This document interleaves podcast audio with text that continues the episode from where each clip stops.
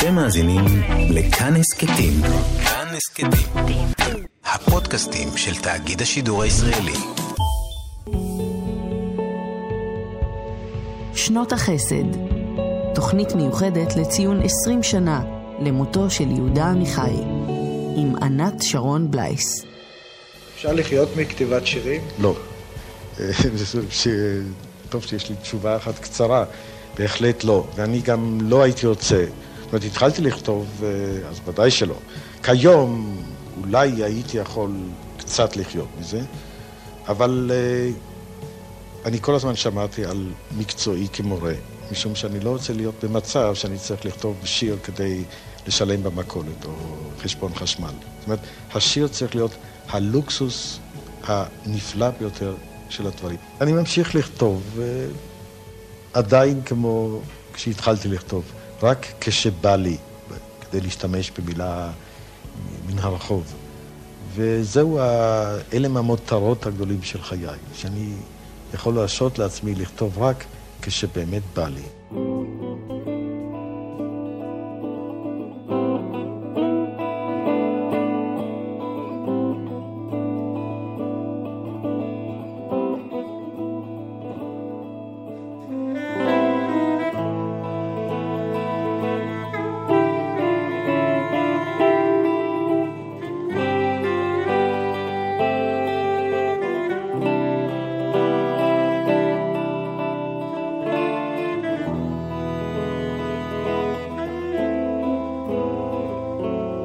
שלום לכם ותודה ששבתם אל השעה השנייה של התוכנית שנות החסד, המוקדשת למשורר יהודה עמיחי במלאת 20 שנה למותו.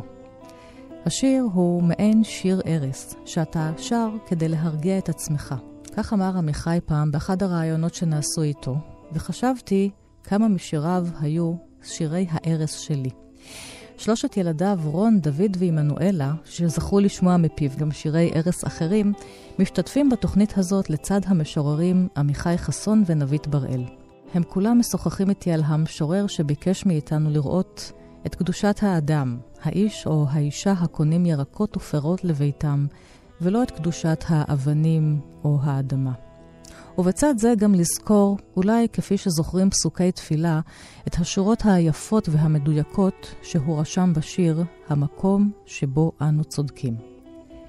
מן המקום שבו אנו צודקים, לא יצמחו לעולם פרחים באביב.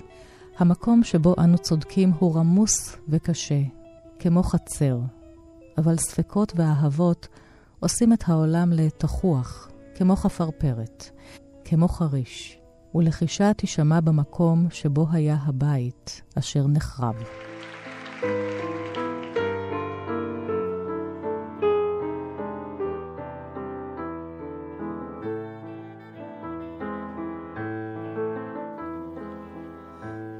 המקום שבו אנו צודקים, לא יצמחו לעולם פרחים באוויר.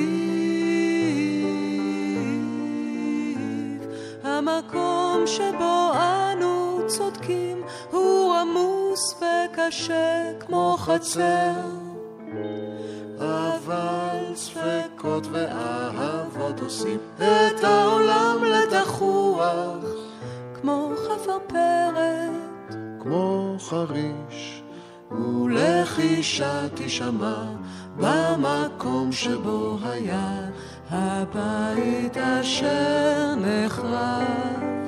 האדם הופך את עצמו, האדם היוצא הופך את עצמו למעבדה או לבית חרושת, כל הגוף משתתף בתהליך היצירה, ואחר כך יוצא משהו.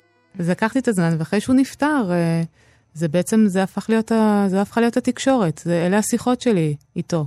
וזו לא סתם הפכה להיות התקשורת, כי את לוקחת את המילים שלו ועשית אותם לא מעט מופעים. את אה, רקדנית, את אשת תיאטרון, ואת הופכת את המילים של יהודה עמיחי לגוף. את נותנת להן גוף. כן, זה יפה מה שאת אומרת. אני, אה, יש משהו ב, במחול, אני חושבת שאולי יותר, אבל גם בתיאטרון כמובן, שיש בו טקסט. רוב הת, העבודה שאני עושה היא כמעט ללא מילים, נכון. באופן אה, אירוני או לא אירוני. אז... אבל באמת, אה, אני עשיתי עבודה אחת של מופע, שבעצם נותנת איזושהי עוד שכבה לשירים דרך דימויים של אה, גוף ומחול. זוהי שוב עמנואלה עמיחי. אני חושבת שיש בשירה של אבא שלי משהו שנורא מזמין לאינטרפטציה שהיא אומנותית אחרת. בגלל שהם, הם, הרבה מהשירים למשל הם, הם סיטואציות, הם סצנות כן. קצרות, הם גם נורא ויזואליים השירים. יש שם תיאורים של צבעים, של ריחות, אה, של אנשים. יש משהו מאוד אה, חי יש שם הרבה תנועה בשירה ויש, שלו. כן. המקום שבו אנו צודקים הוא עמוס וקשה כמו חצר. חשבתי בימים אלה שבו הדיבור הישראלי הוא כל כך קשה ורומס על יהודה עמיחי, ששיריו נולדו מתוך הספקות והאהבות, ורבים מהם גם נכתבו תוך כדי נסיעה למשל באוטובוס צפוף, כשהוא מתבונן ומקשיב לאנשים. מה הוא היה עושה עכשיו בימי הסגר והריחוק החברתי שנכפו עלינו? מה הוא היה כותב היום נוכח הרעש שבו אנו חיים? המשורר שנפרד מהמאה ה-21 ממש בראשיתה, בשנת 2000. מותיר אותנו, או לפחות אותי, מנסה לזכור שגם האגרוף היה פעם יד פתוחה ואצבעות. גם בשעה הזאת בין קולות המשתתפים שזורים יהיו קטעים מתוך רעיונות שנעשו עם יהודה עמיחי בקול ישראל, וגם שיריו המולחנים. אני חושב שבתור אה, נער, כשחשבתי נגיד על משורר ישראלי, אז ראש, הדמות שהייתה לי בראש הייתה יהודה עמיחי. אני זוכר שכשהבנתי שהוא לא שהוא נולד לא, כאן. כן. זה שוב המשורר עמיחי חסון. וששפת האם שלו לא הייתה עברית, ושנופי הילדות שלו לא היו הנופים שאנחנו מזהים כארץ ישראל, אלא כן. נופים גרמניים אה, כאלה ואחרים, הייתי בהלם. האמת היא שזה מעניין מה שאתה אומר, כי זה משהו שאנחנו מיד זוכרים אצל לאה גולדברג למשל. ואנחנו כולנו שכחנו את זה אצל עמיחי. זאת אומרת, באמת יש בו משהו מאוד uh, ישראלי, לא מחוספס, הישראלי הרך דווקא הייתי אומרת, אבל משהו מאוד ישראלי במה שהוא הגיש לנו בשירים שלו, והוא מחק את ה... כאב שתי המולדות, אה, הוא נמצא שם בסופו של דבר, הוא נמצא בשירה, הוא נמצא ברומנים שלו, בתסכיתים שלו, אבל אם זה היה נורא נוכח אצל לאה גולדברג, אצלו זה מחוק. אני חושב שהסיפור הסתדר לו במובן מסוים. יש בו משהו מאוד פורסט גרמפי בעמיחי. במובן הטוב, לא כמובן כן. במובן הבעייתי של המונח. כלומר, הוא היה האיש הנכון במקום הנכון. הוא היה במקום הנכון בתש"ח. הוא היה במקום הנכון אה, כשמתכווצת חבורת, אה, חבורה שרוצה לספר סיפור אחר בשירה הישראלית, סגנון אחר. חבורת לקראת. חבורת לקראת. הפואטיקה שלו משתלבת שם באופן טבעי. זאת אומרת... למרות שאבידן כותב משהו אחד, אורי ברנשטיין משהו אחר, נתן זך משהו שלישי, אריה סיוון משהו חמישי, כל אחד בסגנון אחר לגמרי. דליה רביקוביץ' במובנים מסוימים גם שייכת אליהם. אמרת שורה של משוררים כן, נהדרים, כן, ומשוררות נהדרות, ושכחת. עוד כמה, אבל שימי לב שאף אחד מהם אה, לא לוקח את הרגע הזה של גשם יורד על שדה הקרב וכותב את השורות הללו. כלומר, אנחנו זקוקים פה למישהו שיצליח בשפה הזאת, החדשה, mm-hmm. נהדרת הנמלצות, נהדרת ה... באיזשהו מקום הפתוס והפאר, שידע לתאר לנו את מה שהרגשנו, אנחנו החברה הישראלית, והצליח לעשות את זה בשפה המדוברת, החדשה. וגם הצליח לצאת נגד זה.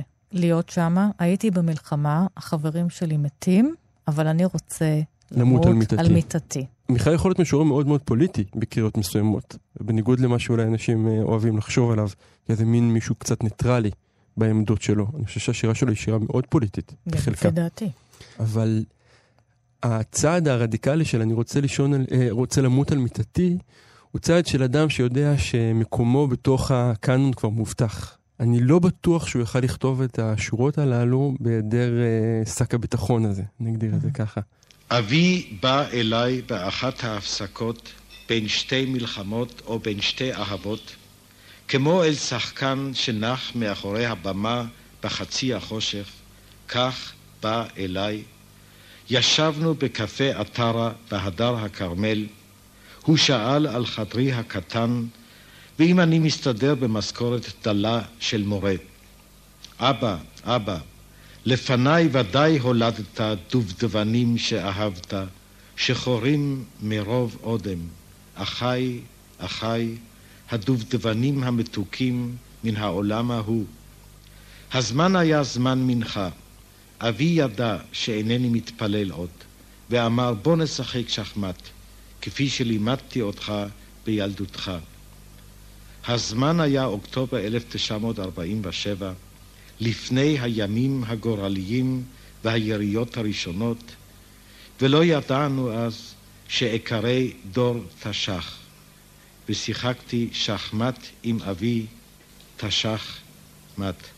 הזכרת קודם את uh, אבי ואימו, ובאמת uh, אחד האנשים שכתבו עליהם בצורה גם uh, רחבה וגם מעניינת, הדור הזה אולי שלא כתב יותר על הורים שנשארו שם, כי היו באמת uh, משוררים בני דורו שהגיעו לארץ לבדם, וההורים נשארו שם ונספו בשואה, במקרה שלו.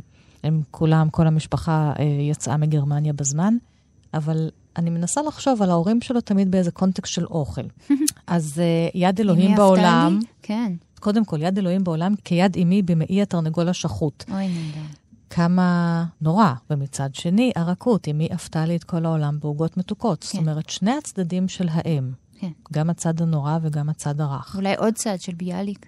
כן, נכון, גם ביאליק אה, כן. מרשרש שם מאחור. ומצד שני, זכר אבי עטוף בנייר לבן כפרוסות ליום עבודה. כקוסם, הוא הוציא אהבה מגופו. אז אני... מצד אחד ההורים הם אלה שמזינים אותנו, נכון, ואפשר להבין את המטאפוריקה של האוכל פה. מצד שני, אם דיברנו ואנחנו מדברים על אהבה, רוצה לומר פה משהו על uh, מה הם לימדו אותו, גם על מה זאת אהבה. כן. אגב אהבה, ביאליק. אהבה מתממשת רק כאשר כותבים אותה, לא כאשר uh, חווים אותה. רק כאשר אני נזכר, אני מעדיף לזכור את. הדבר הזה, אבל אלה לא, אלה, אלה, לא, אלה שני שירים מאוד מפורסמים mm-hmm. על אבא ועל אימא. זה, היחס, היחס אליהם הרבה יותר מורכב, אה, דווקא בעכשיו ברעש, למשל. זוהי שוב המשוררת נבית בראל. אמי קוראת לי תמיד ממשחקיי בחוץ הביתה, mm-hmm. ופעם אחת קראה לי ולא חזרתי אלא אחר שנים, mm-hmm. ולא כן. ממשחק. אה, כאשר... אה, אני מתייחס אל חיי אה, באופן שבו חייל מתייחס אל חייו. כאשר אני נפלט מן העולם הילדי והופך ברגע אחד לא לגבר אלא ללוחם, אני עזבתי לחלוטין לא רק את ילדותי, לא רק את בית הוריי, לא רק את הגירתם, לא רק את העולם שהיה לפני המלחמה, אני עזבתי איכות אנושית שאני כרגע כן. מחפש אותה. וכרגע הזה הוא לנצח. אבי, פתאום מכל החדרים יצא אל מרחקיו המוזרים, המוזרים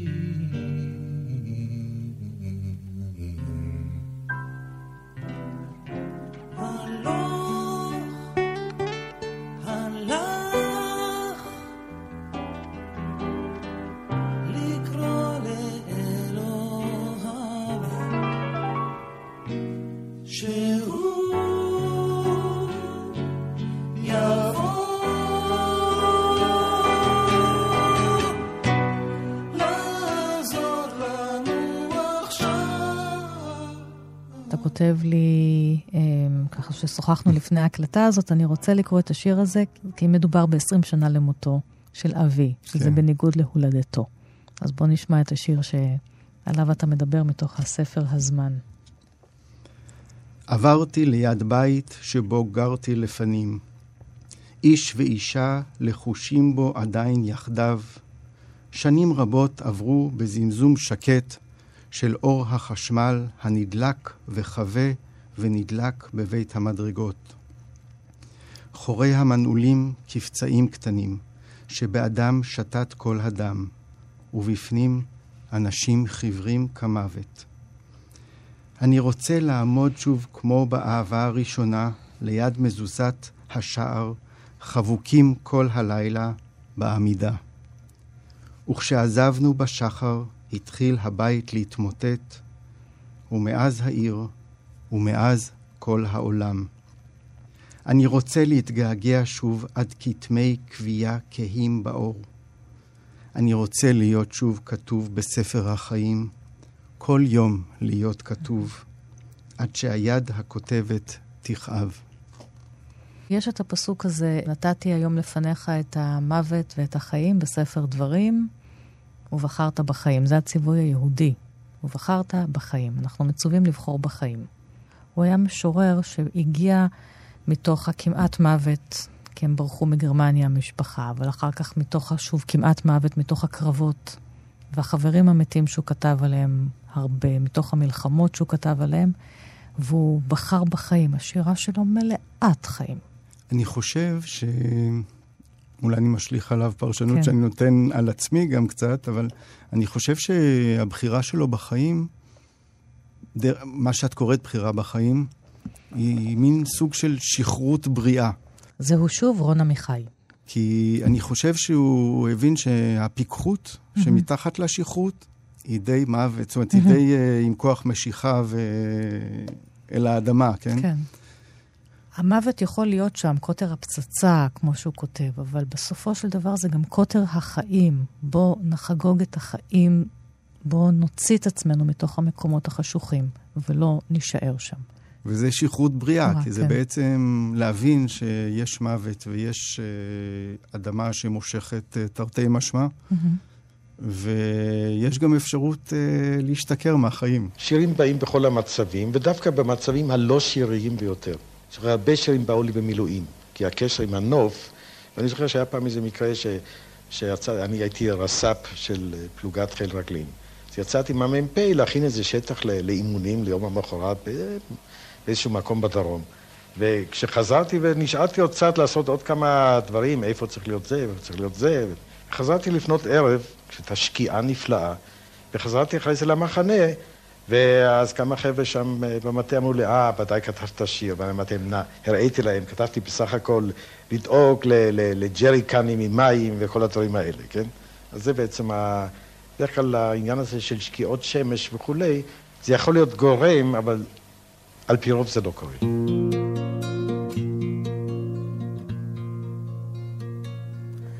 תבואי אליי הלילה כבשים כבר יבשו בחצר. מלחמה שאף פעם לא די לה. היא עכשיו במקום אחר. וכבישים שווים בלי הרף. לבדם כסוס בלי רוחבו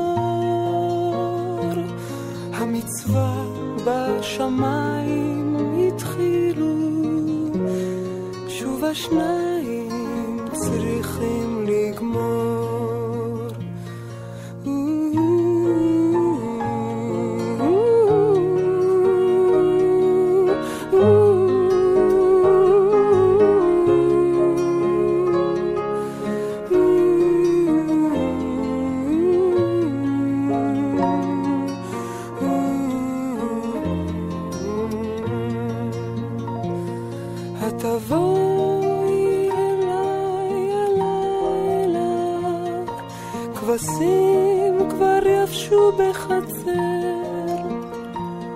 מלחמה שאף פעם לא די לה, היא עכשיו במקום אחר. מה היה השיר הראשון שעבדת איתו, את זוכרת? כשעוד היית סטודנטית אפילו לתיאטרון, למחול? המופע הראשון היה, בעיקר מצאתי את עצמי יושבת uh, סביב פתוח, סגור, פתוח, שהיה הספר האחרון. כי הייתה שם איזה מין, הוא גם אמר לפני שהוא נפטר שזה הספר האחרון שהוא כן. כותב. זה מזוקק כזה, יש שם את כל החוכמה של כל החיים שלו שם, של גיל מבוגר, של אדם כבר שעבר אי אלו דברים בחיים. אז משם בעיקר, אני חושבת שהיה, היה, אני חושבת שהשיר הראשון היה שיר שנקרא כל מגירה נפתחת, כל האלוהים, כל מגירה נסגרת.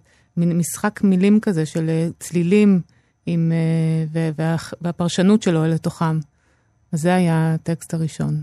וכשאת עובדת על זה, כשאת הופכת את המילים של עמיחי אה, לעבודות תנועה, לעבודות גוף, את פתאום מבינה משהו אחר? אני מניחה שכן. זה מאפשר לך פרשנות אחרת. זה הבנה ברובד לא, אחר, כן. כן.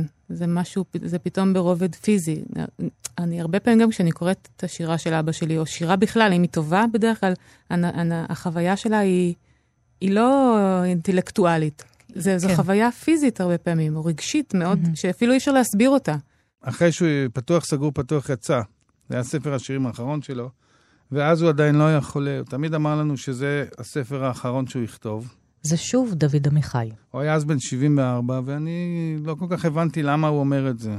כי הוא היה בן אדם בריא מאוד, הוא היה שוחק כל יום, אה, היה לו עוד הרבה. הוא אמר, אני אמרתי את כל מה שיש לי לומר. ולא אכתוב יותר אחרי הספר הזה שום דבר. וכך באמת היה. והשיר הזה הוא בעצם חותם את פתוח, סגור, פתוח, וזה שיר, שיר עם המון המון אה, באמת אה, דברים שעומדים מאחוריו. פצצת הזמן היהודית. על שולחני יש אבן שחרוט עליה אמן.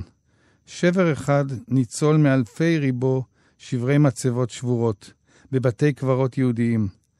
ואני יודע שכל השברים האלה ממלאים עכשיו את פצצת הזמן היהודית הגדולה, עם שאר שברים ורסיסים, שברי לוחות הברית, ושברי מזבחות, ושברי צלבים, ומסמרי צליבה חלודים, עם שברי כלי בית וכלי קודש ושברי עצמות, ונעליים ומשקפיים, ואיברים מלאכותיים, ושיניים תותבות, וקופסאות פח ריקות של רעד משמיד. כל אלה ממלאים את פצצת הזמן היהודית עד אחרית הימים. ואף על פי שאני יודע על כל אלה ועל אחרית הימים, האבן הזאת על שולחני נותנת לה שלווה, היא אבן אמת שלא יהיו לה הופכין. אבן חכמה מכל אבן חכמים, אבן ממצבה שבורה, והיא שלמה מכל שלמות. אבן עדות על כל הדברים שהיו מעולם, ועל כל הדברים שיהיו לעולם. אבן אמן ואהבה. אמן, אמן, וכן יהי רצון. אה, לאבא היה חבר בשם אה, פרופסור קרל היינס מיולר, שהוא היה תיאולוג בעיר שהוא נולד בה בווירצבורג, וקרל היינס בעצם פירק חומות של מנזרים שהיו עשויות ממצבות של יהודים. Mm-hmm. היה מנהג כנראה בימי הביניים המאוחרות לנתץ מצבות של יהודים ולבנות מהם כל מיני דברים. ולהשתמש באבן. של... והוא בעצם כאיזושהי פעולה של uh, ריפוי, היה מפרק את החומות האלה, לא, מקטלג את כל השברים של האבנים האלה ממש בכבוד כזה ובעדינות, ומניח אותם. ואני ראי פעם נסעתי עם אבא לווירצבורג לראות איפה שהוא נולד, נולד אני כן. והילדים, וממש ראינו את האולמות האלה בגרמניה עם כל השברים האלה. ואחד השברים uh, מ-1200 ומשהו, קרל היינץ נתן מתנה לאבא שלי, וזה שבר של מצבה שכתוב עליה אמן, שהיא מופיעה גם בכריכה. בכריכה של, של הספר, פתוח, פתוח סגור, פתוח, פתוח, נכון. ועד היום, כשאני עובר ליד השבר הזה, אני מרגיש שיש בו איזשהו, באמת, איזשהו מין ריכוז, תמצית של כל הכאב של העם היהודי, וכל. ההיסטוריה המטורפת הזאת ש... שעברנו, ומצד שני גם איזושהי תקווה. ואני חושב שהשיר הזה, שהוא באמת השיר האחרון בספר, הוא ממש איזשהו ביטוי טקסטואלי של, ה... של האבן הזאת, שעד היום היא מונחת אצלנו על השולחן, והיא באמת, אה, יש לה באמת, אני לא אגיד אה, משהו... יש לה אה, אנרגיה. יש לה כוחות, כן, כן. אנרגיה, נכון. יש פה פואמה ארוכה, בתוך אז... עכשיו ברעש, מסעות בנימין האחרון מתודלה, שהיא השיר הכי יפה של עמיחי אי פעם. זוהי פואמה ארוכה מאוד, קוואזי אוטוביוגרפית. כאילו מדבר אל אה, אותו מגלה ארצות יהודי, אבל הוא מדבר אל עצמו. אני חושבת שמי שמחפש את הביוגרפיה של עמיחי, שיחפש אותה פה. אז מאחר שזאת פואמה מאוד ארוכה, אז אנחנו נקרא חלק ממנה שמתייחס למה עבורך? לתחושה של עמיחי במחצית חייו. העורקים ברגליים מתחילים לבלוט, כי רגליים מהרהרות הרבה, והליכתן הרהורים. אל תוך העזובה הריקה שברגשותיי, שוות חיות הפרא שנטשו אותה, כשבראתי וייבשתי ועשיתי את חיי תרבות מיושבת. שורות ספרים ארוכות, חדרים ופרוזדורים רגועים, גופי בנוי לתהודה טובה כאולם קונצרטים.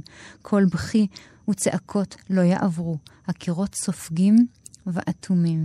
גלי זיכרונות מוחזרים, ומעליי בתקרה חפצי ילדות, מילים רכות, שמלות נשים, טלית אבי, גופים למחצה, צעצועים גדולים וצמריים, ענניים, גושי לילה טוב, שיער כבד, כדי לחזק את התהודה בי, עפר, עפר, גופי, מתקן מחצית חיי, עדיין פיגומים נועזים של תקוות, סולמות רועדים הלא מוגמר מבחוץ.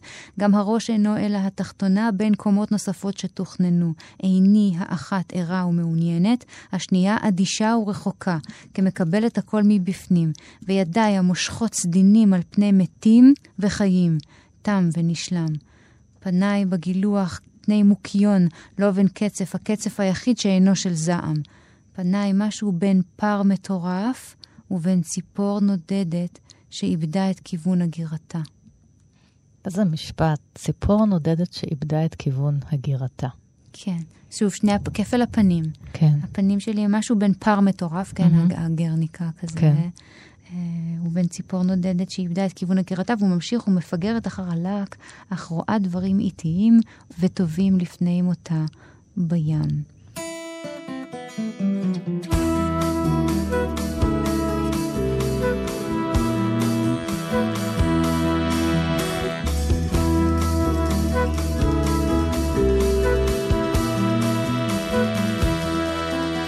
ויש ציפור בשמיים שאולי שרה עכשיו שיר מתוק.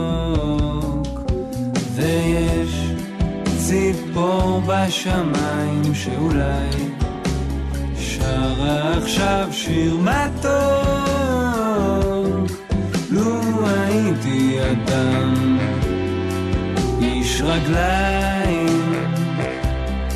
על האדמה הגדולה והכבדה. הייתי עומד ועומד ועומד ועומד לו הייתי אדם. איש רגליים על האדמה הגדולה והכבדה ולא זז משם לעולם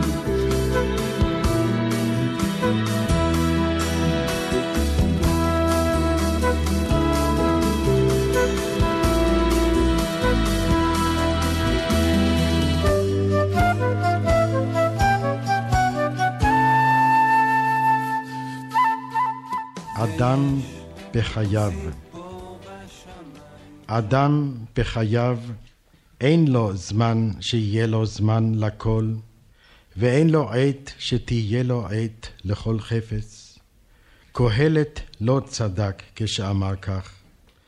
אדם צריך לשנוא ולאהוב בבת אחת, באותן עיניים לבכות ובאותן עיניים לצחוק, באותן ידיים לזרוק אבנים, ובאותן ידיים לאסוף אותן, לעשות אהבה במלחמה, ומלחמה באהבה, ולשנוא, ולסלוח, ולזכור, ולשכוח, ולסדר, ולבלבל, ולאכול ולעכל את מה שהיסטוריה ארוכה עושה בשנים רבות מאוד. אדם בחייו אין לו זמן. כשהוא מאבד, הוא מחפש. כשהוא מוצא, הוא שוכח. כשהוא שוכח, הוא אוהב. וכשהוא אוהב, הוא מתחיל לשכוח. ונפשו למודה, ונפשו מקצועית מאוד. רק גופו נשאר חובב תמיד. מנסה וטועה, לא לומד, ומתבלבל, שיכור ועיוור, בתענוגיו ובמכאוביו, מות תאנים ימות בסתיו, מצומק ומלא עצמו ומתוק, העלים מתייבשים על האדמה, והענפים הערומים כבר מצביעים אל המקום שבו זמן לכל. קהלת מציג דיכוטומיה מאוד פשוטה, עת לטעת ועת לעקור נטוע, עת מלחמה ועת שלום, החלוקות הן מאוד מאוד בינאריות. והשירה של יהודה עמיחי בכלל, והשיר הזה כמקרה הדגמה שלו, הוא הם ממש אה, מביאים תנועה הפוכה. כלומר, עמיחי חושב שאי אפשר להפריד, אין מרחב סטרילי שבו יש רק מלחמה ורק אהבה, כמו שהחכם הזקן שכותב את ספר קהלת רוצה לספר כן. לנו. והוא אפילו טוען שמי שבוחר את הבחירה הזאת, של אה, חיים שהם אה, נפרדים ואטומים, של קפסולות ברוח הזמן הזה, כן. של, נכון, נכון. של מצבים מסוימים, הוא אדם שלא יודע לחיות. וזו אמירה שבתוך ה...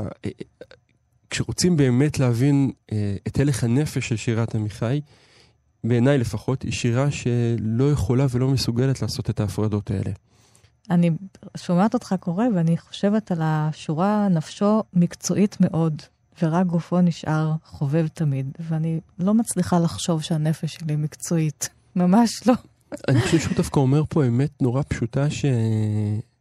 שבתור אנשים כן? שמתעסקים עם הנפש, נורא קל להבין אותה. Mm-hmm. הרי מה קהלת מנסה לחנך אותנו? מנסה לחנך אותנו לייצר אה, הפרדות נפשיות כאלה. עכשיו לשמוח, עכשיו לבכות. זאת גם היהדות, יש קודש ויש חול. יש קודש ויש חול. יש ויש... שבעה uh... ימי אבל, ואחר כך אתה בוחר בחיים וממשיך. כל הזמן נכון. אנחנו חיים בגבולות ביהדות. אבל זה יותר מגבולות, אומרים לך עכשיו תבכה. כן. יש מחזורים שבהם כתוב, נכון. כאן צריך לבכות. אני זוכר שבתור אה, אה, חייל, יש לי איזה שיר בספר הראשון, הגענו להר הרצל והמפקד פתח שונים ואמר, עכשיו חמש דקות התרגשתם בפקודה, חמש דקות זוזו. כלומר, אתה יכול לכאורה לתחום. עכשיו, הנפש, אני חושב, במיוחד כשאתה מתעסק איתה המון, כבר יודעת על איזה כפתורים ללחוץ. אתה יכול לרמות אותה. קהלת אומר את, ה, את הפסוקים המדהימים האלה, שיש להם את הטון שלהם, כי הוא יודע שזה, שניתן לעשות אותם, שניתן נפשית לבצע את ההפרדות. אבל מה אומר פה עמיחי? הגוף לא שותף לחוויה הזאת. הגוף הוא חובבן גדול. הגוף לא מכיר את כל הסיפורים האלה, את ההפרדות הנפשיות, את הלימודים שהוא מלמד אותנו. אם הגוף רוצה לבכות עכשיו, הוא יבכה, ואם הוא רוצה לצעוק שאין לו מה לאכול, הוא יצעק שאין לו מה לאכול. והוא לא שותף לכל החוויה הנפשית המתחנחנת, המחונכת, שאנחנו מנסים ללמד אותו. וזה אולי הסיפור האנושי במובן מסוים, המתח הזה בין הרוח לאנושי. גם בשיר שקראנו מקודם, בשלווה גדולה, שאלות פשוט אפשר לפרש אותו ככה, אפשר לקרוא אותו ככה. כמעין הזמנה שאחרי שהסימפוזיון הסתיים, והבנו מה מקומו של אלוהים בעולם, ומה מקומה של הרוח, עדיין יש גוף שמבקש את שלו, והוא הרבה פעמים מבקש דברים שהם סותרים. והשירה של עמיחי מבקשת אה, להיות גם וגם. שלווה גדולה, סתירות גדולות. אולי אפשר לסכם גם את עמיחי כך, שדרך הסתירות שהוא כותב כל הזמן, גם בסוף הוא נתן לנו שלווה, שלוות הוא, שירה. הוא כאילו אומר לנו, אל תפחדו מהסתירות האלה. שנות החסד, תוכנית מיוחדת לציון 20 שנה למותו של יהודה עמיחי, עם ענת שרון בלייס. בלי עולם מחוץ לאני, אה, לא הייתה כתיבה. אה, כיוון שהאני מתחיל מן האתה, ואני חושב שהאתה, או האט אה, לעיתים קרובות מאוד אצל משורר, או האתה אצל משוררת, הם כמובן הגירויים האמיתיים לתקשורת. כמובן שהאתה יכול להיות גם ובימינו אלה זה ממש שייך לאופנה להיות אישיות מפוצלת, אפילו לארבעה, אז אתה יכול להיות בתוכך, ואתה אומר דברים לעצמך, כן? ו... אבל מבחינת האני המוחלט, אה, זה באמת, ה... זה אתה, זה נשאר אתה. היינו אמורים לעלות עם אה, עבודה שעשיתי בשיתוף עם תום סולובייצ'יק, שהוא מוזיקאי, על אחד התסכיתים שלו, ביום שבו נקבר מרטין בובר. כן. אני כל הזמן חוזרת לטקסט כן. הזה, כי יש שם איזה משהו שעוד לא פתור לי. זו תסכית. זה תסכית אה, על זוג אוהבים בירושלים, שמנסים כל הזמן לשחזר את, ה, את הרגע שבו הם אה, הכירו ואיך הם, הם התאהבו, בשביל שהם יוכלו בעצם להיפרד. אז זה כל הזמן רשומון כזה של ה, איך זה היה, איך זה התחיל. כל הזמן חוזרים קדימה ואחורה למערכת היחסים שלהם, וירושלים היא ברקע שם כל הזמן. זה כאילו היינו יחד. זה כאילו לא היינו יחד. זה כאילו היינו יחד. זה כאילו לא היינו. איך נפגשנו? זה היה... אני זוכרת עכשיו. זה היה. את יודעת שהיום הקבורה של בובר? מרטין בובר. אה, כן. זה היה בחורף. שלא תעזוב אותי. אני לא עוזב. אני רואה בעיניך. רוצה אחרת. זאת לא עזיבה, זאת נדידה. את מזמן. אתה שלי. זהו קטע מתוך התסכית היום שבו נקבר מרטין בובר, שיצר ניסן נתיב ושודר בקול ישראל בשנת 1968. אני אוהבת אותך. פתאום אני זר. מרטין בובר... מרחף שם רוחו. אני חושבת שכל הפילוסופיה, אני שוב, אני לא בקיאה גדולה בפילוסופיה שלו, אבל ממה שכן... הוא האיש של הדיאלוג. הדיאלוג והאני והאתה, כן. ושאין את האני בלי האתה. נכון. וכל, זה, זה, זה מהות ניכור, הטקסט, כן. כן. אחרת זה גם, שאין קיום כאילו בלי האחר. וכל הטקסט הזה, כל התסכית פשוט מושתת על זה, כל האהבה היא גם כזו. מירושלמי אחד לירושלמי אחר, מגרמני אחד מהגר לגרמני אחר כן. מהגר. מרטין בובר, מגדולי הוגי הדעות של ימינו, העמיד תלמידים לרוב בכל העולם. פילוסוף גדול, מרטין בובר, יובא לקבורה היום בירושלים. על כל משתתפי ההלוויה, רחוב בן יהודה, רחוב יפו, הסוכנות, רחוב יפו, אנחנו. אני רוצה לקרוא קטע שלא הרבה אנשים אה, מכירים. מתוך היומן שלו, הוא כותב את זה ב-1968. בחדשות הבוקר שוב הודיעו על קרבות ארטילריה. אני מגלה בי שני מיני אדם. האחד הוא היצור החברתי-תרבותי, השייך לעם מסוים, הנתון במצב היסטורי מסוים. אותו יצור מגיב בזעם, בתחושת נקם, בפחד, בעצבות, בחשיבה חוזרת עד חורבן הבית, ומשם דרך כל הרדיפות עד לשואה ועד למלחמת העצמאות. אך באיזשהו מקום אני חש את כל התחושות האלה כקיר חיצוני בלבד, אם כי קיר חזק מאוד, ואני חש מאחוריו את האדם השני, היצור הביולוגי, האמיתי, שניתנו לו כמה עשרות שנים חיים עם עוד כמה ביליונים כמותו, ואותו יצור פתאום אינו תופס את כל הסיטואציה של היצור התרבותי-חברתי. לראשון נראית מלחמה זו המתמשכת כחיונית, ואין מנוס ממנה, כמלחמת קיום עם גב אל הקיר. אך לשני, הכל נראה נטול שורשים, מגוחך, מעשי קופים מטורפים, רבים על אילנות וחושפים שיניים בזעם. וחרון. כשאדם צועק לפני שהוא מוצא להורג תחי המולדת או יחי החופש, איזה מין היצורים הוא אחרי קריאה זו? בשניות שבין מטח הכדורים ובין הד מילותיו האחרונות. כלומר, אני כפרט יהודי בישראל חושב שאני צודק ואחרים הם הרעים, אך אני יודע שכל המצב, כולל את ביטחוני בצדקתי, הוא מגוחך. מגוחך שאנשים יורים זה בזה. אידיוטי שיפציצו זה את זה. חושב,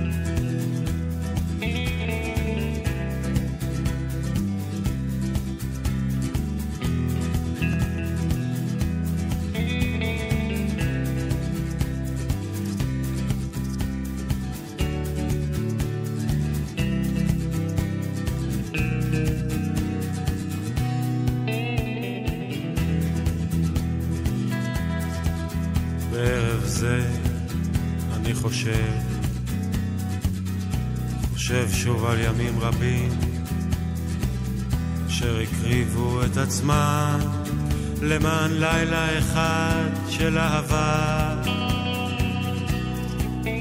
על הבזבוז ועל פרי הבזבוז על השפע ועל האש ואיך בלי כאב הזמן איך בלי כאב הזמן ראיתי דרכים מובילות מאיש אחר אל אישה אחרת. ראיתי חיים מחוקים כמו מכתב בגשם. ראיתי שולחן שאושר עליו ויין כתוב עליו האחים, ואיך בלי כאב הזמן, איך בלי כאב הזמן.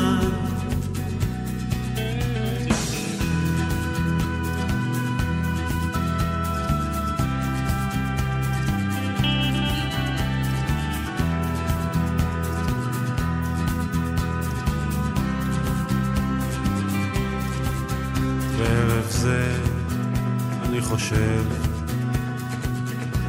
חושב שוב על ימים רבים אשר הקריבו את עצמם למען לילה אחד של אהבה ראיתי דרכים מובילות מאיש אחר אל אישה אחרת.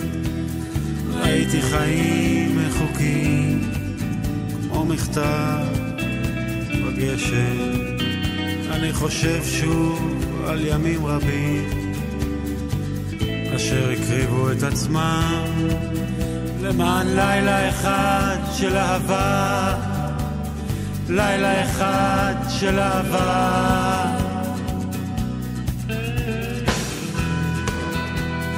לילה אחד של אהבה.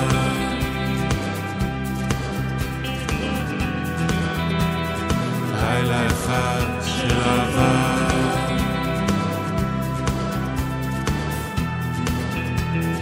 לילה אחד של אהבה.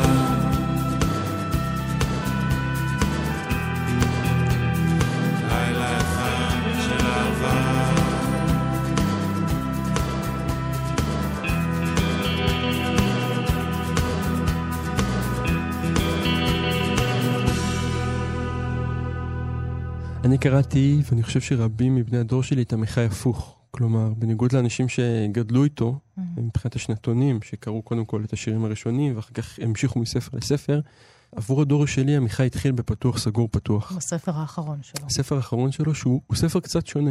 נכון. הוא ספר אה, שלפחות עבורי היה הרהור תיאולוגי מאוד מאוד ארוך. ואני זוכר את ההלם של הקריאה הראשונית שבו, כי לא ציפיתי לזה, ציפיתי לשירה. שירה פר אקסלנס, כמו ש... כן, ויש שם שירות, שירה ארוכה יותר בשורות ארוכות יותר, בשורות ארוכות יותר, יותר פילוסופית. כן, של מחשבות חלקה, פתוחות, חמות כן, מאוד. חלקה פרוזאית אפילו. אה, מפתיעות, מאתגרות את התודעה. אני אולי אה, אקריא, יש לו שיר אה, בתוך המחזור שפותח את הספר, 23. אנחנו כולנו בני אברהם, אבל אנחנו גם הנכדים של תרח, אבי אברהם.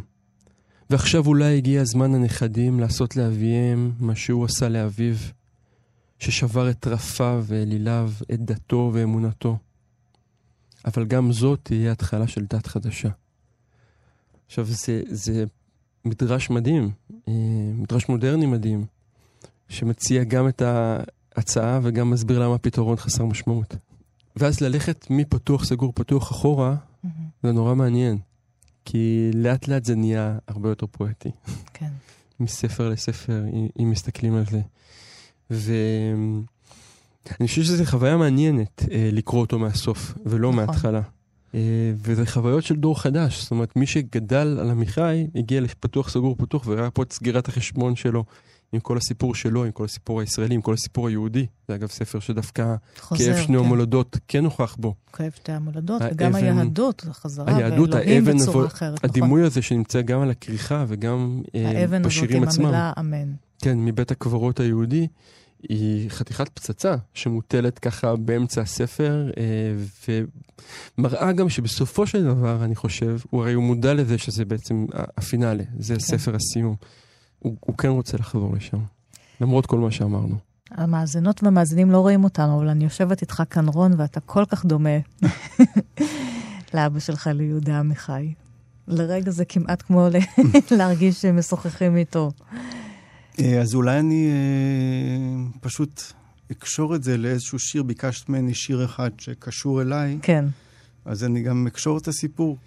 אמ, הייתי, בתחילת שירותי הצבאי, הייתי חבר גרעין לקיבוץ סאסא. בצפון. בצפון. ואגב, אני חושב שלאבא שלי היה חלום כמוס שאחד הילדים שלו יהיה קיבוצניק. הוא מאוד אהב לעזוב את ירושלים? כן, כן, התנועה הקיבוצית הייתה, הייתה לו פינה מאוד חמה. ואני חושב שמבחינת הכיוון הסוציאליסטי לפחות של כן. העניין, אז עד סוף חייו הוא די היה בכיוון הזה.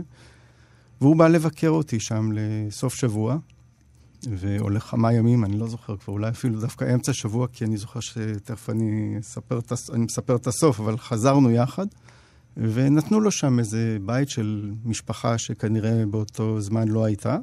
אחר כך חזרנו, אני יצאתי לסוף שבוע חזרה הביתה, ונסענו יחד, ועצרנו בחיפה, ואז הוא אמר, בואו נצא קצת ונסתובב, והסתובבנו, חברתי ואני, חברתי הייתה ירושלמית גם כן, אז חברתי ואני והוא הסתובבנו בחיפה, ואז הוא הראה לנו קצת את חיפה שהוא הכיר, הוא היה הרי מורה שם, כן. היה לו פרק אה, די חשוב בחייו, חיפה, כן. אה, כפי שגם עולה מהספר של נילי גולד. כן, בחיפה. אה, זה הרבה שנים אחרי, אבל הוא עדיין הכיר את כל הסמטאות של חיפה תחתית ו... והדר, והיה ממש כן. כזה יפה כזה, שהוא הראה לנו איזה פרק בחיים שלו שלא ידעתי עליו. אה, ואיך זה מתקשר לשיר עליך? כי הוא כתב אה, שיר על הביקור בסאסא. והילד איננו. בני, אתה שוב מדאיג אותי. מזמן לזמן אתה מדאיג אותי בקביעות שהייתה צריכה להרגיע אותי. אני זוכר שפעם, כשהיית קטן, ראינו יחדיו שריפה במלון גדול. האש, והמים, והעשן, היללות והצעקות, והאורות המהבהבים בטירוף. כל אלה חסכו לי הרבה דיבורים על מהם החיים, ועמדנו בדממה. אני שואל את עצמי, איפה החביא אבי את הפחד שלו? אולי בארון סגור? או במקום אחר מחוץ להישג ידי הילדים? אולי עמוק בליבו. אבל עכשיו אתה שוב מדאיג אותי. אני מחפש אותך תמיד, הפעם בין ערפילי הגליל העליון. אני אבא ערפל, והילד איננו, כי הוא כבר מבוגר. סטטיסטיקה על כל משתולל יש תמיד שניים או שלושה מרגיעים, טופחי על שכם. על כל בוכה, כמה וכמה מוחי דמעה. על כל שמח, עצובים רבים שרוצים להתחמם בשמחתו. וכל לילה לפחות אדם אחד אינו מוצא את דרכו אל ביתו, או שביתו עבר למקום אחר והוא מתרוצץ ברחובות והוא מיותר. פעם חיכיתי עם בני הקטן בתחנה, ועבר אוטובוס ריק, ובני אמר, הנה אוטובוס מלא באנשים ריקים. באחד הראיונות שלו שאלו אותו איך לגדל ילד כדי שיהיה משורר. אז הוא אמר, מי משוגע שירצה לגדל את הילדים שלו להיות משוררים?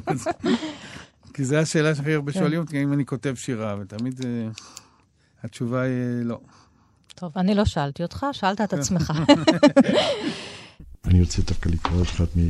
זה שיר שדווקא גיליתי אותו, כי זה ב... לא, כי זה ב... מהשנים, אה, זה בתקליט החדש של רביץ, באהבתנו, וזה...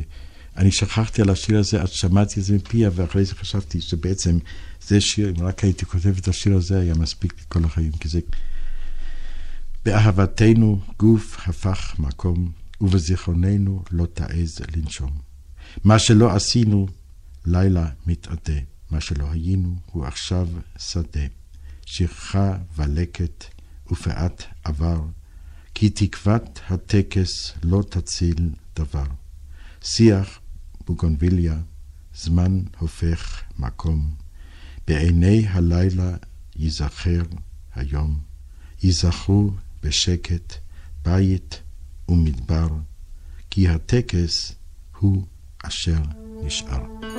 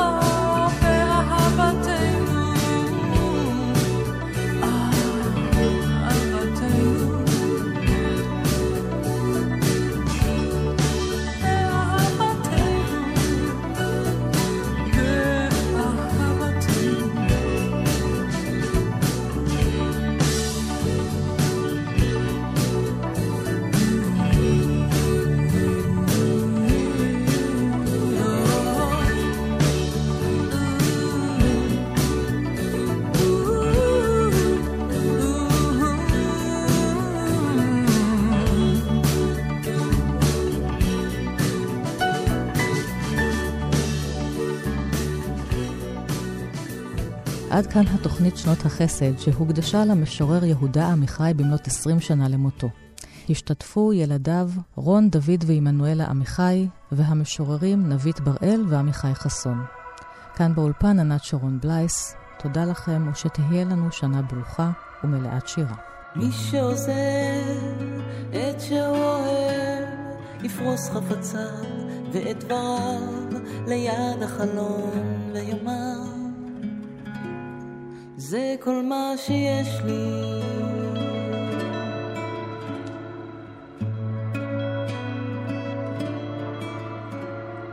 מי שעוזב את שהוא אוהב, ניסים יקרו לו במהופך, כל יין יהפוך לדם, וכל לחם לאבן, בים סוף לחיים חדשים, אלא יישאר שלם כזיכרון שאין לעבור אותו, שבו יטבע.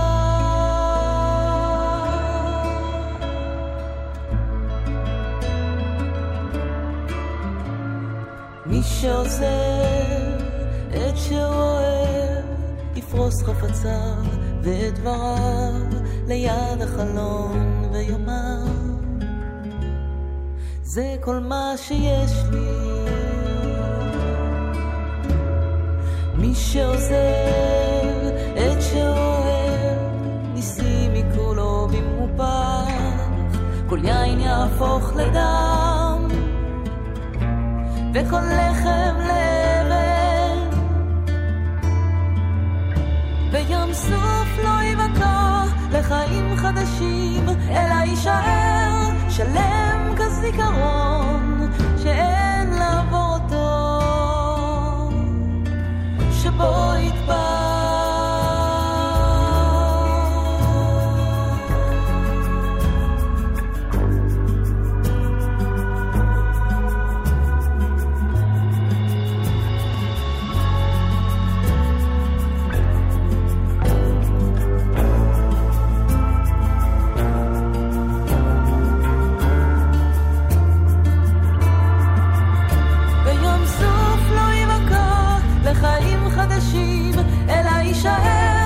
שלם כזה זיכרון שאין לעבור אותו,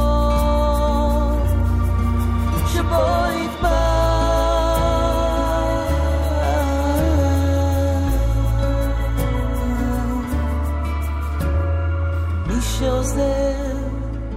את שהוא אוהב, יפרוס חפציו ואת דבריו ליד החלון זה כל מה שיש לי, זה כל מה שיש לי, זה כל מה שיש לי, זה כל מה...